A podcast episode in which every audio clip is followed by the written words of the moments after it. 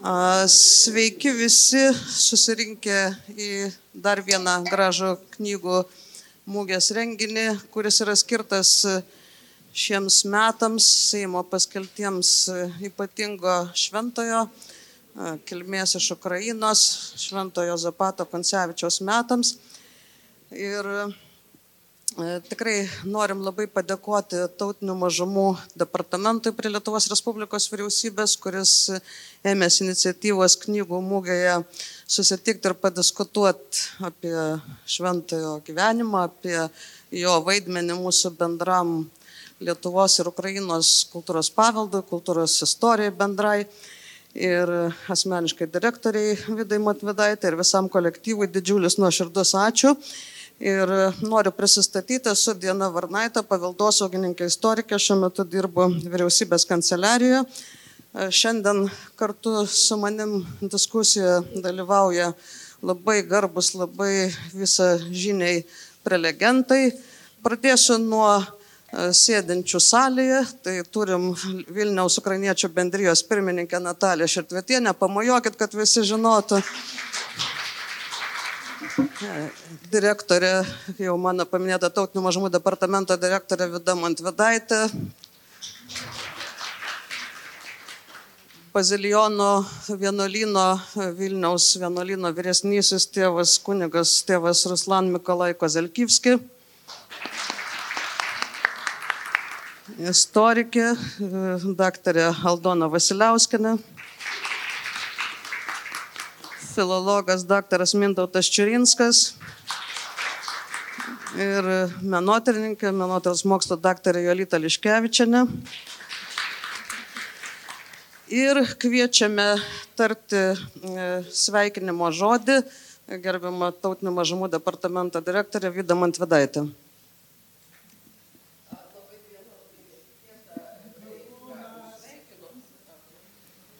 Labai diena, labai netikėta. Manau, kad e, mums e, labai pasisekė sulaukti padėko žodžių už tą pradžią. Atrodo, kaip iškilmingai su ta podėliu. Labai mums pasisekė, kad gavom padėkas už darbą, kurį praeitais metais jau pradėjome atlikti. Tai pasirengimas e, šio šventojo įvedimui į Lietuvos šaltinius į Lietuvos istoriografiją iš naujo, nes Iki šiol jis buvo žinomas labai siauram specialistų ratui ir šiandieną dalyvauja gausus būrys Lietuvos kitų tautinių bendruomenių atstovų, ne tik ukrainiečių. Mes manome, kad per šią asmenybę mes per visus metus turėsime galimybę daugiau pažinti vieni kitus ir suprasti, jog na, ne tik 20-21 amžius mus pradėjo jungti, kur kas ankstesni laikai ir ankstesnės asmenybės.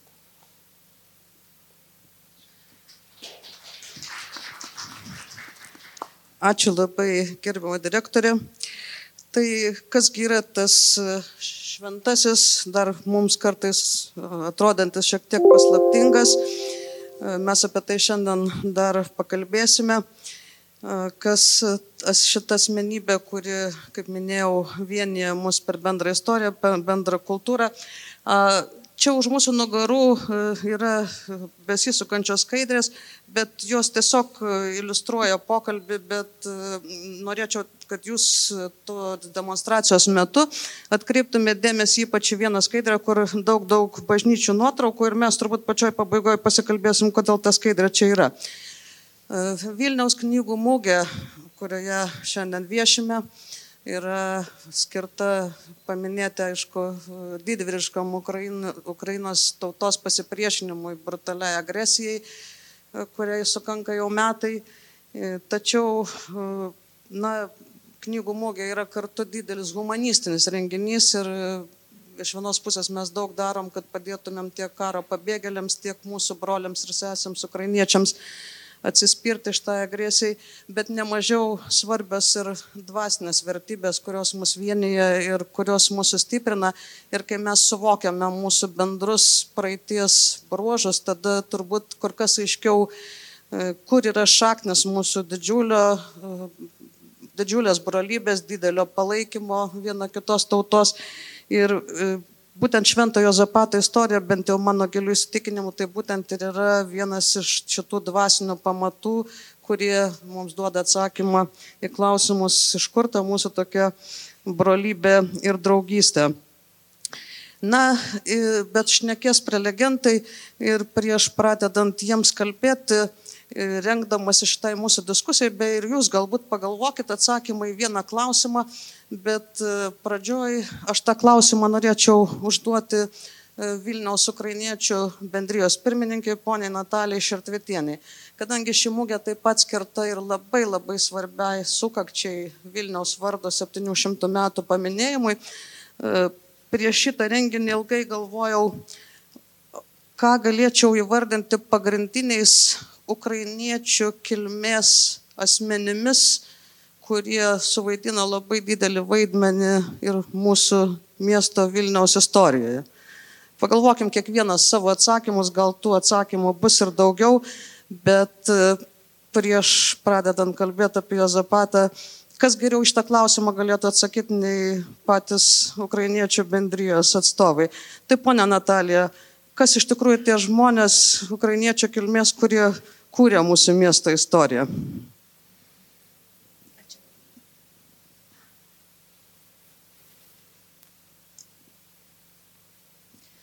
Na, iš tikrųjų, per ilgą Vilnius istoriją, 700 metų istoriją, nemažai ukrainiečių gyveno Vilniuje, kūrė ir garsino Vilniaus miestą. Tačiau turbūt yra trys asmenybės, kur labiausiai yra nusipelnę Vilniui. Pirmas tai čia yra Šventasis Jozapatas, apie kurį bus šiandien labai daug kalbėta. Kita asmenybė tai čia yra Konstantinas Ostrogiškis, kuris laimėjo Oršos mūšį, kuris ir pastatė bažnyčią, kurioje paskui tarnavo Šventasis Jozapatas. Ir be abejo, tai yra mūsų Tarasas Ševčenka. Tai yra praktiškai trys tokie barai, veiklos barai. Tai yra viena kultūra, viena religija, ir kita yra karinė, kaip apsauga. Šitie trys žmonės turbūt labiausiai nusipelnė to, ką mes galėtume didžiuoti savo protėviais, savo tevinainiais. Be abejo, yra dar Imeletijus Mutrickis, kuris jau pirmas parašė e, slavų gramatiką, kurie visi Rusijoje ir kitur, kurie mokėsi pagal tą gramatiką. Tai yra ir Jakovas Holovatskis, kuris buvo pirmasis direktorius Vilniaus miesto bibliotekos ir kuris kūrė biblioteką. Yra daug, daug kitų asmenybių, manau, kad kažkas iš mūsų ukrainiečių dar papildys. Ačiū.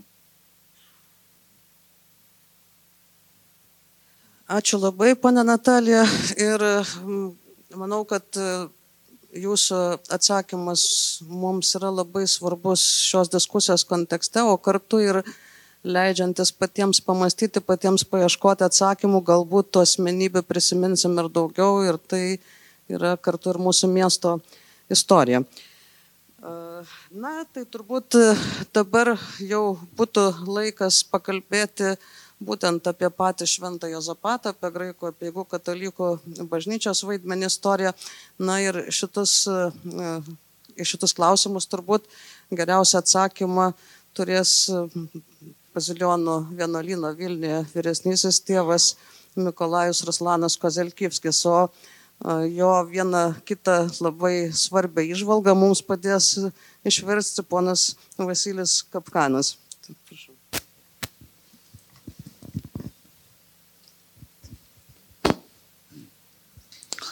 Е, Лаба діна вісі. Е, Я буду говорити по-українськи, пан Василь буде перекладати. Отже, е, для мене це велика радість і честь е, розказувати сьогодні і цього року про святого Йосифата Кунцевича.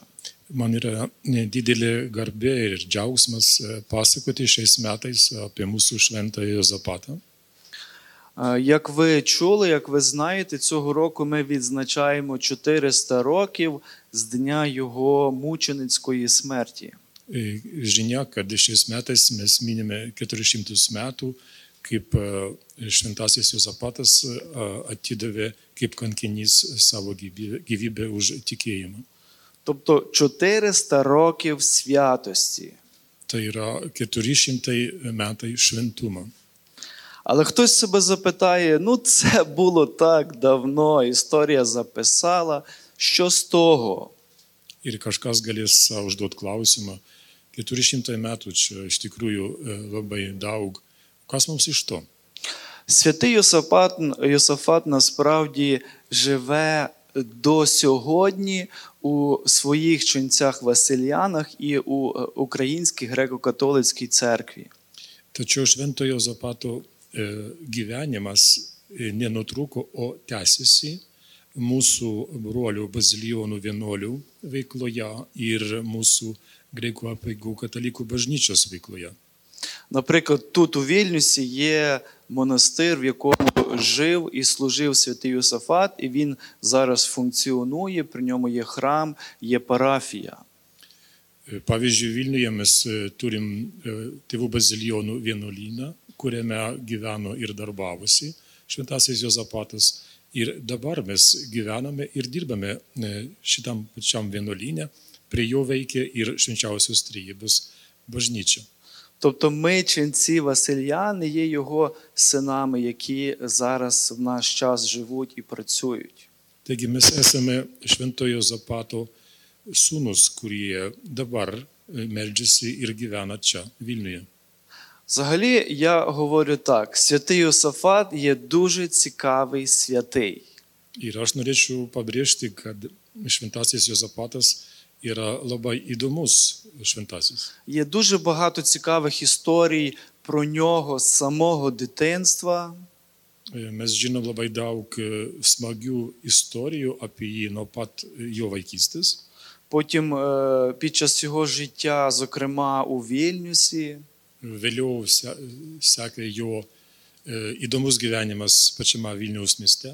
його церковна і культурна діяльність. Taip pat turime akcentuoti jo e, veiklą e, ir kultūrinė, ir taip pat e, bažnyčios e, kūne. Але ці історії не закінчуються з його смертю. Bet šios istorijos nesibaigė jam mirus. Якраз е, я би сказав, що велика частина різних розповідей про святого Йосафата, про подорож його реліквій і мощей починається після його смерті і триває аж до нині. Nes jo gyvenimas po mirties yra dar įdomesnis. Jis daug kaip šventasis jau keliavo ir turi įvairių istorijų, atpasakojimų e, iki, iki. Ми знаємо, що е, тіло святого Йосафата, як мощі, як реліквії, воно виставлене для почитання в самому центрі католицької церкви у Ватикані в соборі святого Петра. Žinome, kad Šventojo Zapato relikvijos yra saugojamos e, pačiame katalikų širdyje, tai yra Romoje, Švento Petro bazilikoje. Ну, я думаю, що це щось означає. Ir galbūt tai kažką mums e, byloja. Отже, ми можемо сміливо сказати, що святий Йосафат він є святим е, українського народу, литовського народу. Taigi šventasis Jozapatas yra šventasis tiek ukrainiečių tautai, tiek lietuvių tautai. Також білоруського народу, польського народу і всього католицького світу. Baltarusių, lenkų bei viso e, katalikiškojo pasaulio šventasis. Отже, особливо святий Йосафат він пов'язаний з нашим Вільнюсом. Tačiau ypač tam prie šventasis Jozapatas yra susijęs su Vilniaus miestu, Тому що тут він провів майже 20 років. nes jisai čia gyveno beveik 20 metų. Спочатку 8 років він живе як е, е, молодий чоловік, який навчається бути копцем. Pradžioje 8 metai, metai jo gyvenimo čia prabėgo kaip paprasto jaunuolio, kuris kabinasi į gyvenimą. А потім 13 років вже живе як чернець, як настоятель е, монастиря Пресвятої Трійці. O vėliau 13 metų jisai jau gyveno kaip vienuolis ir kaip vienuolino vyresnysis. Про святого Йосафата, як я сказав, можна багато розказувати, тому що є багато цікавих історій і наслідків його діяльності. Apie Šventojo Zapatą mes galim daug pasakoti, nes daug įvairių istorijų yra apie jo gyvenimą. Тому я хочу особисто, як е, Василянин, так як я сказав, як син святого Йосафата, духовний, та, е, заохотити вас дізнатися більше про особистість святого Йосафата. Ir kaip e, Šventojo Zapato dvasinis sunus, aš skatinčiau jūs daugiau sužinoti apie Šventojo Zapatą, apie jo gyvenimą. Зокрема, я хочу е, вас запросити відвідати наш український храм в старому місті Вільнюса на Авшрос Варту. E, Tarkime, aš noriu pakviesti jūs apsilankyti mūsų e, švenčiausios trybės, mūsų centre, švenčiausios trybės bažnyčioje ir susipažinti su sa šventovė і доторкнутися до історії святого Йосафата. ir tokiu būdu prisiliesti prie Šventojo Zapato gyvenimo ir veiklos istorijos. Повірте, ви будете дуже здивовані е, цим храмом, е, тому що е, він ще не до кінця відремонтований, але вже відкриває свою багату історію. Ir jūs e, atvykę nustepsite, e, kadangi šis, e, ši senovinė e, šventovė, ji galbūt dar ne visiškai restauruota, bet jau pradeda mums atverti savo e, gražius gyvavimo puslapius. Зокрема, ми повертаємо історію і, можна сказати, самого святого Йосафата до Вільнського цього храму Пресвятої Трійці та монастиря.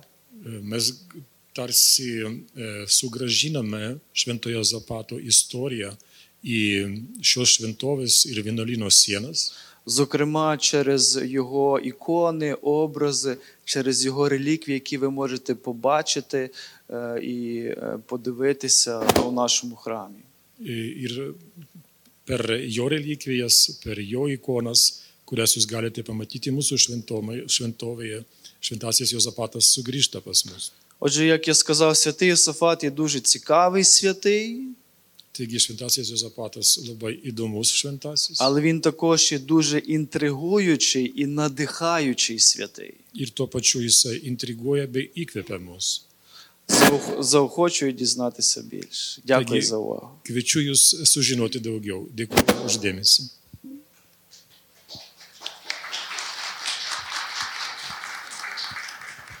Ačiū labai tėvui Mikolajui, kuris e, tokią plačią retrospektyvą mums pateikė nuo Valinės kilimo, ku- kur, nuo Valinės, kuri, nuo, nuo krašto, kuriam, nuo kurio kilęs Šventasis Jozapatas iki Vatikano, kuriam, kuriame ilsisi dabar Šventojo Zapato relikvijos.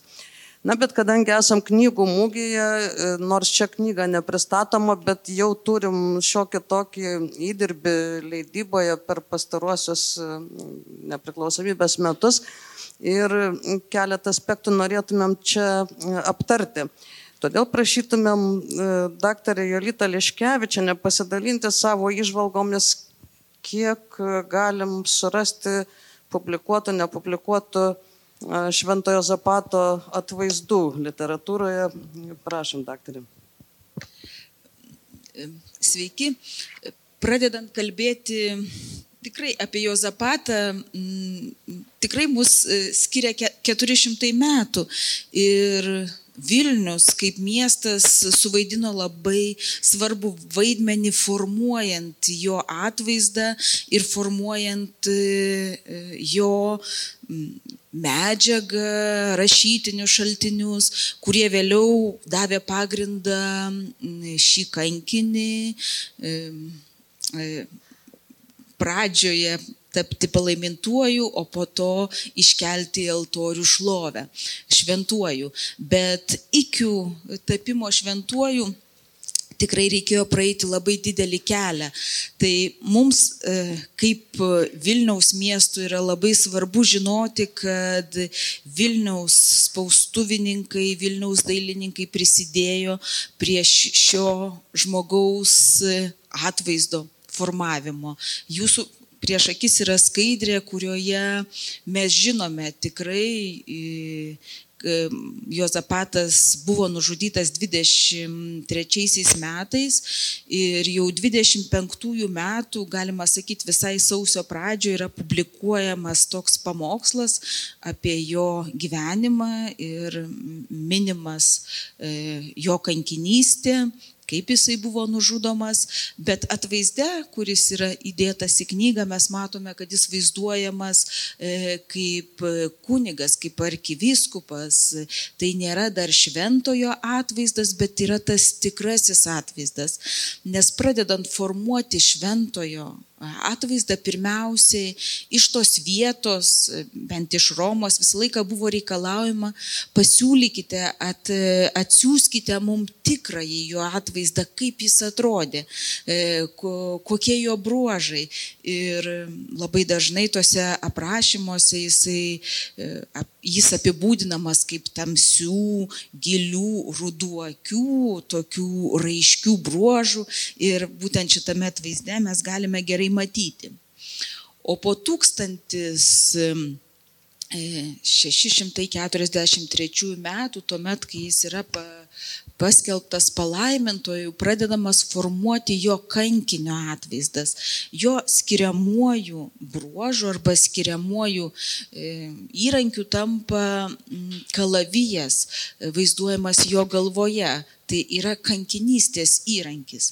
Tada jis tokių keletas susiformuoja tų atvaizdų bruožų, bet e, e, jau po 43 metų mes matome, e, kad jis suformuojamas jo atvaizdas kaip kankinio. Čia yra keletas tokių atvaizdų.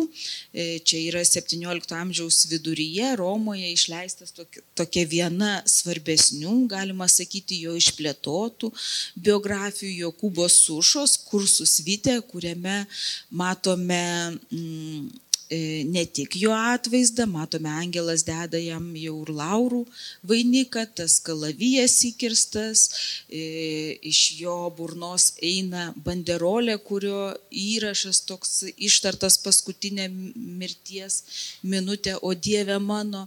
Ir po apačia toks dvėlis, o vėliau jisai buvo truputį papildytas, kur irgi tapo tokiu, galima sakyti, Juozapato identifikacijos tokia eilute, kad Kijevo Ruse mane pagimdė, išaugino Lietuva, Mitra davė Polotskas, o Vitebskas mane krauju pasrūvino arba e, vienu žodžiu, e, ten tiksliau, e, jo, mane, na, duit, sank, ne vidla, man, Vitebske pasruvau mano kraujas, taip.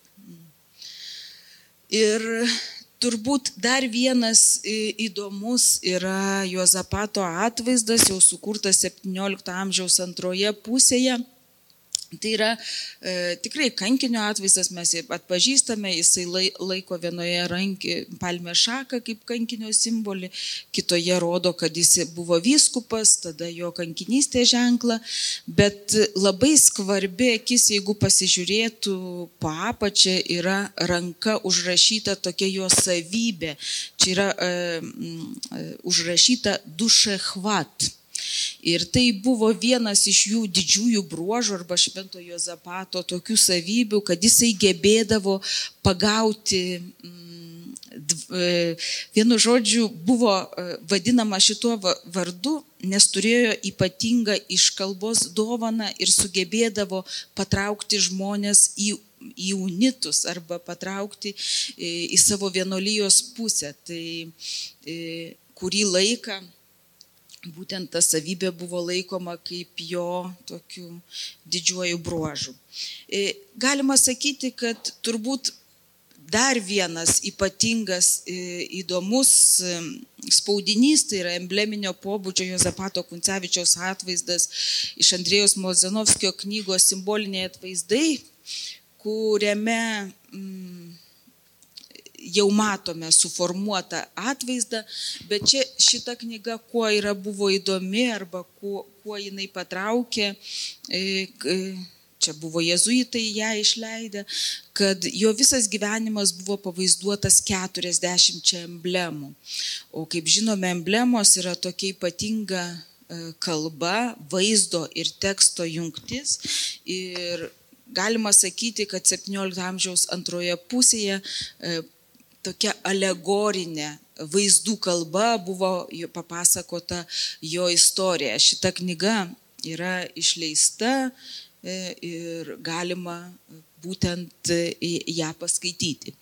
Tai e, vėliau formuojantis tas jo atvaizdas turėjo kelis prototipus, bet dabar, kai mes esame bažnyčioje, turbūt mes žinome, kad vis dėlto Tai yra tokių dviejų kultūrų, ar ne tokios bizantiškos, vis tiek unitiškas tikėjimas yra tokios bizantiškos kultūros tradicijos, tokios vaizdinės bizantiškos kultūros tradicijos ir tokios vakarietiškos, ypač embleminės, ta, ta kuri keliavo per visą Europą.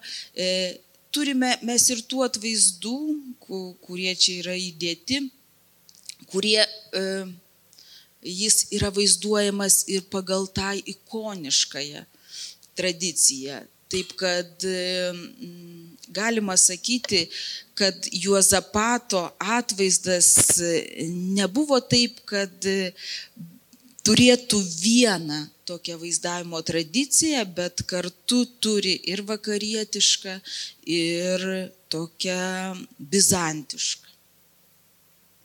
Tiek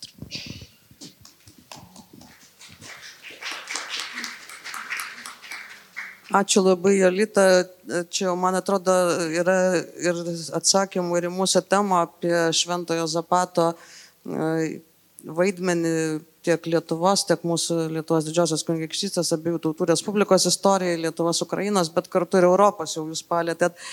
Ir Na, tiesiog retorinis klausimas, nes salės kampe ir, ir, ir, ir skaidrių kampučiuose yra šių metų logotipas ir galima pasižiūrėti, kaip šio laikinė e, dizainerė, dailininkė, kaip įsivaizduoja e, šventą Jozapatą ir, ir, ir sukurtame logotipe atvaizdavo šventą Jozapatą ir šis logotipas jau bus naudojamas visus metus. O be kita ko, bažnyčia, apie kurią mes šiandien kalbame Vilniuje, pasipildė nuostabę gražią dailininko Igorio Kostečioko ikoną, e, kurioje atvaizduotas taip pat šventasis Jozapatas, taip kaip dailininkas įvaizduoja. Ir matyti čia pratestą visą taip dešinėje, būtent šį ikoną. E, jos beje kopiją jau turim ir Švento Rapalo bažnyčioje Vilniuje jau prasideda atgaivinimas istorinės atminties, tai papildys tą ikonografiją, bet laikas mus labai stipriai gena į priekį Ir kalbant apie literatūrinę tradiciją, nes turim ne vieną atvaizdus, bet turbūt turim pasakojimus ir rašytiniuose šaltiniuose. Ir kas geriau apie tai galėtų mums pakalbėti, jeigu ne daktaras Mintautas Čirinskas. Ačiū. Nežinau, apie, kaip apie tai kalbėti, sutelpant į penkias minutės, nes ta uh, tradicija yra labai turtinga, net jeigu žiūrėsime tik į vieną amžių, į na, Jozapato Kuncevičiaus amžių, nors abu yra jisai gimęs dar 16 amžiuje, bet e, jeigu kalbėsime vieną apie 17 amžių, tai e, sunku būtų visus literatūrinius raštijos šaltinius taip net, net prabėgomis išvardinti. E, gal bandysiu viską sutelkti į tris punktus. Pirmasis nes, nesusijęs gal tiesiogiai su raštyje, bet vis dėlto su didžiulė simbolinė Jozapato Kuncevičiaus asmenybės ir vėliau jo kaip šventojo gerbimo reikšmė. Matome, kaip jis sujungia, jau tai buvo pastebėta, neišvengiami tie pasikartojimai, bet dar kartą galime pabandyti suvokti, kaip, kaip įdomiai jis sujungia e, gimtai Vladimirą, e, Rusios žemės, e, Vilnių, kur, kur subrendo ir praleido daug laiko pragyveno. Po to Polocką, dabartinės Baltarusijos žemės, Vitebską, kur, kur žuvo, kur įvyko jo kankinystė. Po to jo kūnas mm, sudėtingos istorijos metu na, aplankė kaip čia pasakius, ne tik Lietuvos didžiosios kunigaikštystės žemės, ne tik tai abiejų tautų respublikos žemės, tai yra ir Lenkija, bet, bet didelę Europos dalį ir, ir, ir Vienoje, Austrijoje, kur, kur tik nebuvo, tai irgi reikalautų didelio iš, išvardymo daug laiko ir dabar ilsisi Romoje tai yra labai simboliška, tai, tai sujungia na, na, mūsų europinį visą kontinentą e, ir labai svarbu visai, kad, visam katalikų pasauliu, bet ypač katalikiškai Europai, taip pat ir rytų, ir rytų apieigų, graikų apieigų katalikiškai Europai ir, ir, ir mums, na, Romos taip vadinamiems katalikams. Tai vienas dalykas yra simbolika. Po to užsiminsiu visai nesusireikšmindamas, nes tai tame irgi yra na, tokia žinia, kaip aš e, priejau prie Zapato Kuncevičiaus e, temos ir, ir jam skirtos literatūros. O mano disertacijos tema buvo biografiniai kūriniai, gyvenimų aprašymai.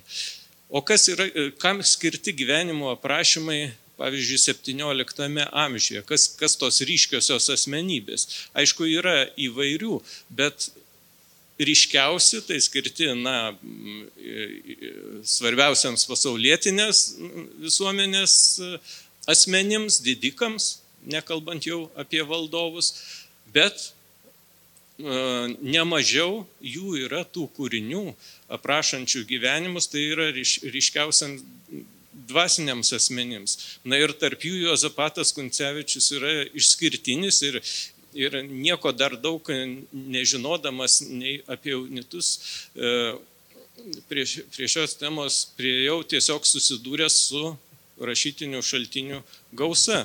Ir įspūdį darė kokiu, kokiu intensyvumu tie kūriniai na, radosi, kaip jie buvo kuriami ir, ir kokias, kokias stiprią poziciją užima tie, pavyzdžiui, net ir paimkime trys ryškieji e, e, na, bažnyčių unijos istorijoje 17 amžiaus pradžios e, žmonės, vyrai, E, tai Jozapas Benjaminas Rutskis, e, du bendražygiai, taip, Jozapatas Kuncevičius ir Jozapato Kuncevičiaus oponentas, iš dalies ir prisėmęs jo kankinystės e, kaltę Melecijus Motrickis. Ir labai įdomiai susipina jų ir likimai, ir e, vėliau jiems skirta raštyje, nes 17 amžiuje išsameusia biografija, kuri dar laukia išleidimo, nes, nes yra nemenkas kūrinys, būdamas Romoje, parašė Jokūbas Suša ir mes čia skaidrėse irgi, me, irgi matėme paminėtą šitą gyvenimą, išleistą E, Romoje 1665 metais. E, bet tuo pačiu metu Jokūbas Suša irgi parašo tokį labai, na, irgi biografinį veikalą e, skirtą Melecijus Motrickiui, kuris ten taip simboliškai pavadintas Saulius et Paulius Unionis, tai va, Unijos Saulius ir Paulius. Imant į dėmesio centrą tą atsivertimo momentą po Juozapato žuties ir kad gyvenimą baigė vis dėlto Melecijus Trickis kaip unijos šalininkas. Tai, tai, tai čia tie va, tokie svarbiausi rezultatai šitos dvi Jokūbo sušos knygos. Bet labai įdomu, kad uh, uh, pirmąjį gyvenimo ir kankinystės aprašymą, patį pirmąjį, kuris, kuris mane labai sudomino, atrodo, kad parašė pats Juozapas Velaminas Rutskis, Kievo metropolitas, tų pačių kankinystės, gali būti, kad tų pačių kankinystės metų 20, 1623 metų pabaigoje. Ir po to šitas gyvenimo aprašymas buvo išleistas dviem variantais - ir lenkų kalba, ir ir lotynų kalba Zamostėje. Visi šitie tekstai buvo rengiami, na, informuojant ir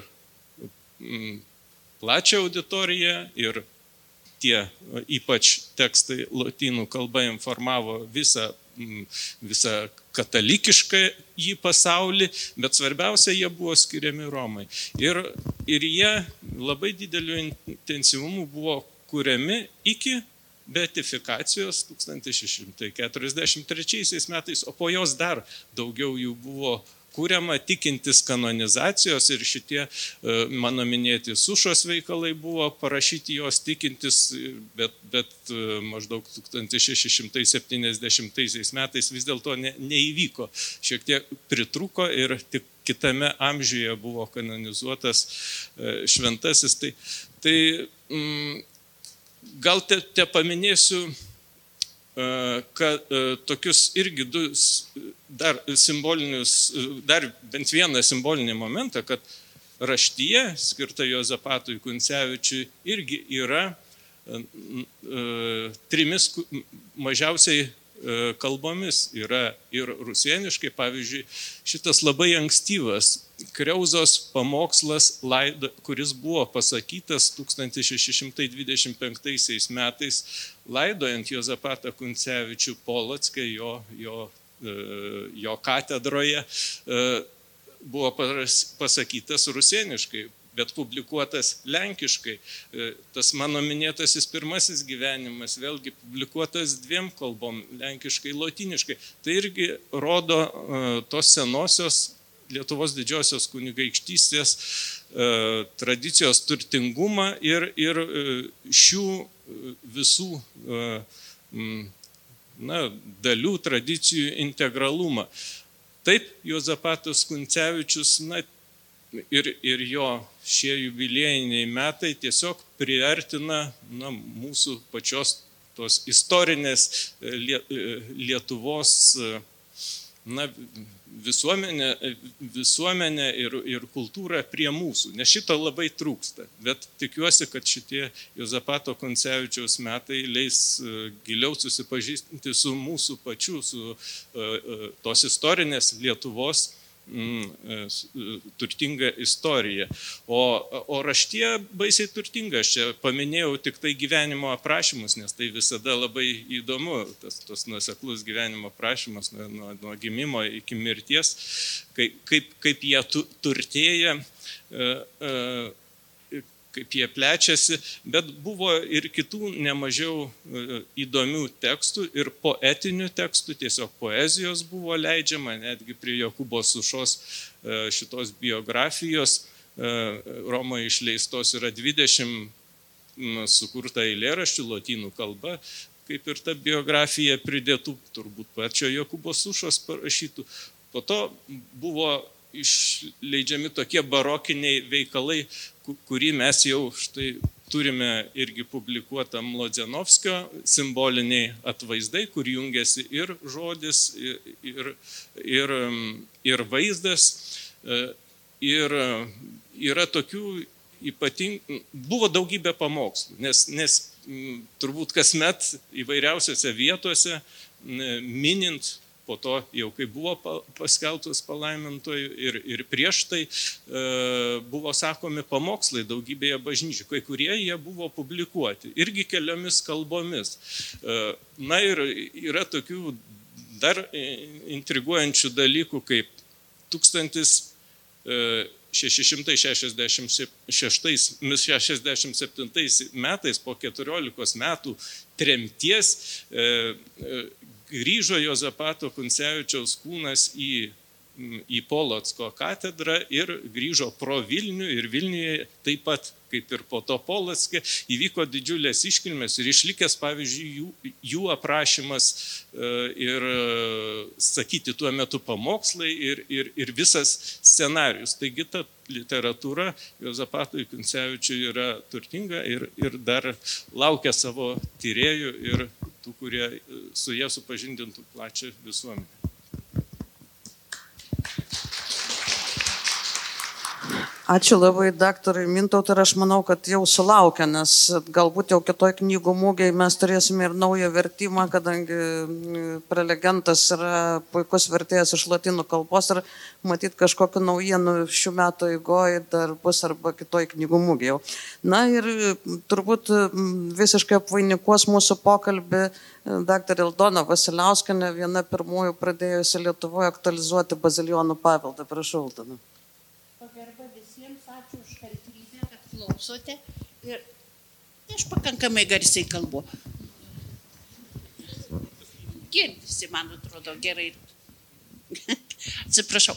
Laiko faktiškai nebeliko, tai aš pradėsiu nuo, nuo ta, kaip sakoma, nuo pačios Lietuvoje ba- bazilijonų Šventojo Zapato, Švento Bazilijaus didžiojo ordino tyrinėjimo pradžios.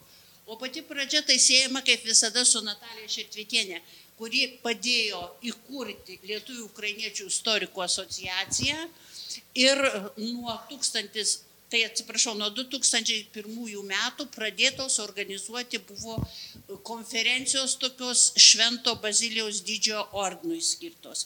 Jeigu grįžtant truputėlį į priekį, tai reiktų pasakyti, kad Šventas Jozapatas, jo garsinimo Lietuvoje ir Ukrainoje ir, iš, ir išeivijoje būdus galima suskirstyti į žodinį garsinimą, raštų garsinimą ir vaizdinį garsinimą.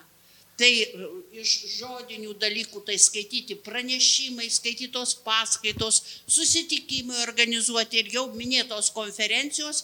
15 konferencijų vyko, 10 iš jų vyko Lietuvoje, tai Vilniuje, Šiauliuose, Bazilionuose.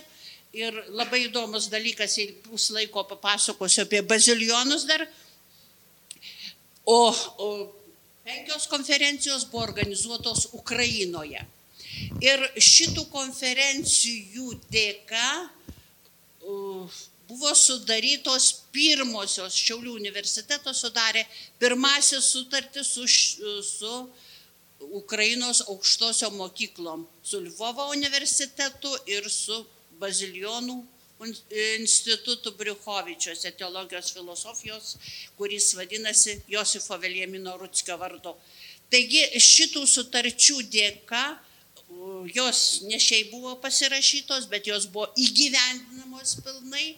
Ir svarbiausias dalykas be visų kitų punktų įgyvendinimų, tai buvo įgyvendintas antras, sakykime, Jozapato ir Bazilionų ordino garsinimas, antra forma, tai išleistos knygos. Čia jūs matote, išleista viena tik tai knyga yra e, e, Šiaulių universiteto kartu, žodžiu, ir apima nemažą laikotarpį ir joje atskleidžiamas kaip tik tai ir Jozapato gyvenimas, Bazilijonų vienuolių istorija ir jo, jų veikla visa Lietuvoje. E, Bazilijonų miestelio atsiradimas labai įdomi istorija, kurią, kurios dėka čia ukrainiečiai prisidėję daug, kad atsirastų naujas toks miestelis ir čia su lietuvių pagalba padubisyje. Ir čia yra kaip tik tai padubisio sasviniai, žodžiu, padubisio kronikos, kuriuose irgi skirta daug dėmesio e, šitam tokiam retam įvykiui. Taigi jau sakiau, buvo žodžiu, raštu garsinama ir vaizdiniam priemonėm, įvairiom vaizdiniam priemonėm garsinamas e, Juozapatas, garsinamas Švento Baziliaus didžiojo ordinas. O svarbiausia vaizdinė priemonė tai yra e, prie Bazilionų mokyklos pastatytas pirmasis paminklas ukrainiečiams Lietuvoje, Švento Baziliaus didžiojo ordinui skirta didžiulė skulptūra. keturių metrų aukščio ir labai labai tokia tikrai didžiulė su degančių krūmų bazilionų herbų, kitoje pusėje bazilionų mokyklos herbas. Ir taip vienintelė kol kas skulptūra visame pasaulyje skirta vienuoliams bazilionams. Na ir paskui įvairios, įvairios emblemos buvo daromos, įvairūs ženklai, visa tai, kas buvo galima daryti, lankstinukai leidžiami, bukletai leidžiami ir spalvoti, ir nespalvoti. Ir laikraštys išleistas, Šiaulių kraštas išleido, žodžiu, laikraštį tokį specialų vienuoliai bazilionai su jot ir miestelis bazilionai be jot. Tai toks yra įdomus skirtumas. Taigi šitokių, šitokių garsinimų yra daug Ir labai norėjau, kaip tik tai, čia yra dar kas norėsite, yra albumas apie tai, kas buvo šnekėta. Perlaidojant Jozapatą, 50 metų minint Romoje, Vatikane, vyko labai gražios šventos mišios ir labai gražus po jų renginys. Čia dalyvavo ir, ir, ir Natalija, čia jos, jos kažkur tai dar yra ir galvytė matosi, nuotraukų išleistas po šito po to renginio viso albumas specialus, kur yra ir Jozapato karstas, kaip jis atrodo perlaidotas Švento Bazilijaus didžiojo altoriuje ir netoli Petro altoriaus visiškai, Petro kapo. Ir dar labai svarbus dalykas, kad Švento Bazilijaus didžiojo kūnas, šitas altorijoje esantis Jozapato kūnas, kas per maždaug 50 metų perengiamas. Drabužiai susidėvi ir tie drabužiai, likę drabužiai, kai perengia naujais, jie sukarpomi dalim ir vežamos kaip relikvijos. Tai tokia relikvija atvežta ir į Vilnių yra, ir į kitus miestus yra. Ateisite į Vilnių švenčiausios treibės bažnyčią ir pamatysite po stiklu įdėtą tokią viskupo kaip kišenę. Ir šalia didžiulė ikona rodosi kur matosi, kur kišenė, kur ta kišenė buvo laikoma, stovėjo, kabojo, kai dar buvo gyvas vyskupas. Taigi šitokie visi, visi tie dalykai ir šitos, šito perlaidojimo 50-mečio proga buvo pristatyta ir knyga šičia, kuri yra šalia profesoriaus, daktaro, istoriko, kunigo Baziljono Krečiūno, Pavlo Mikhailo Krečiūno knyga skirta šventam Jozapatui. Šitą knygą kunigas sutrumpino, nes ji čia tokia gana, ganėtinai didelė, sutrumpino ir susitarė su tautinių mažumų departamento žmonėm, žodžiu, prisiuntė tą sutrumpintą variantą ir Vasilijus Kapkanas jau išvertė, yra lietuviška recenzija ir dar reikia suderinti iliustracijas ir šita knyga bus išleista. Buvo tikėtasi, kad šitą knygą galėsim pristatyti knygų mugėje, bet tiesiog mes nesuspėjome, žodžiu, per, per visus šitos darbus. Taigi šit bus šiais metais, jubiliejiniais metais, išleista šita knyga. O dabargi atliekamas didelis darbas Jozapato garsinimui. Tai kunigas Mikalojus važinėja po parapijas ir su, bazilion, su šita nauja ikona pagaminta Kistečioko Igorio ir, žodžiu, ir rodo tą ikoną, prie kurios galima ir pasimelsti ir rodo tiesiog, kaip atrodo tas Jozapatas, kad mes apie jį žinotumėm. Ir kalbama apie šitos metus, apie Šventą Bazilijaus ordiną ir Jozapato indėlį kuriant šitą ordiną. Nes tai vienintelis ordinas įkurtas Lietuvoje 1617 metais. Visi kiti ordinai iš kažkur tai atvyko į Lietuvą, o čia Jozapato nežmoniškai didžiulis ir indėlis, kad buvo įkurtas ordinas, kuris vykdė didžiausius darbus. Ir šitie vienuoliai bazilionai šito ordino iš Lietuvos buvo kviečiami į įvairiausias, įvairiausias vietas. Taip jie buvo pakviesti, dabar prieinu prie bazilionų, buvo pakviesti brolių žemvaldžių bei norių į Padubisį, prie pat Šiaulių, prie Dubisos. Ir čia jie pastatė bažnyčią, bažnyčia vadinasi ir dabar Švento Jozapato, o Š- Švento Baziliaus didžiojo bažnyčia, e, įkūrė mokyklą, įkūrė biblioteką, įkūrė vienuolyną. Daug labai padarė visko ir ta vietovė pradėjo aukti. Ir šitą beaugančią vietovę žmonės pradėjo vadinti bazilionais pagal vienuolius bazilionus. Ir todėl vienintelė, tai vienintelė Lietuvoje ir vienintelė pasaulyje geografinių požiūrių vieta, kuri įamžinusi vienuolių bazilionų vardą. Ir todėl ura.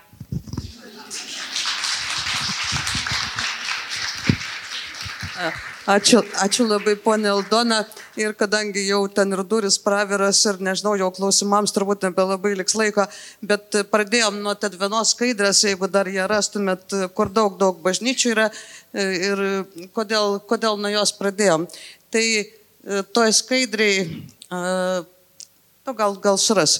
Toj skaidriai, jinai tiesiog iš visagalio interneto yra paimta ieškant Šventojo Zapato vardu pavadintų bažnyčių ir vienuolynų ir e, vaizdus, e, pasirenkant vaizdus, e, tiesiog internetas davė retrospektyvą bažnyčių, kurios yra daugiausia Amerikoje, Kanadoje. Ir ką, ką aš norėjau to, tą skaidrę pasakyti ir ką mes norėjom visi šitą diskusiją pasakyti, kad e, istorija, prie kurios atsiradimo labai stipriai prisidėjo Vilnius, nes čia švent, būsima šventasis praleido savo prasmingiausius dvasinio tapsmo metus. E, Ši istorija šiandien turi tesinį visame pasaulyje ir Šventojo Zapato vardu pavadintų vienuolynų ra- bažnyčių rasėt ir Europoje, ir vakarų Europoje, ir Latino Amerikoje, Brazilijoje, kur ypatingai ukrainiečių diaspora, ir, ir, ir, ir, ir Kanadoje, ir dabar Amerikoje, Junktinėse Amerikos valstijose ir visur kitur. Taigi ta istorija, kuri iš esmės užgimė čia mūsų mieste, dabar turi sklaidą visame pasaulyje ir mes šnekam tikrai apie labai svarbius dalykus ir juos aktualizuojam.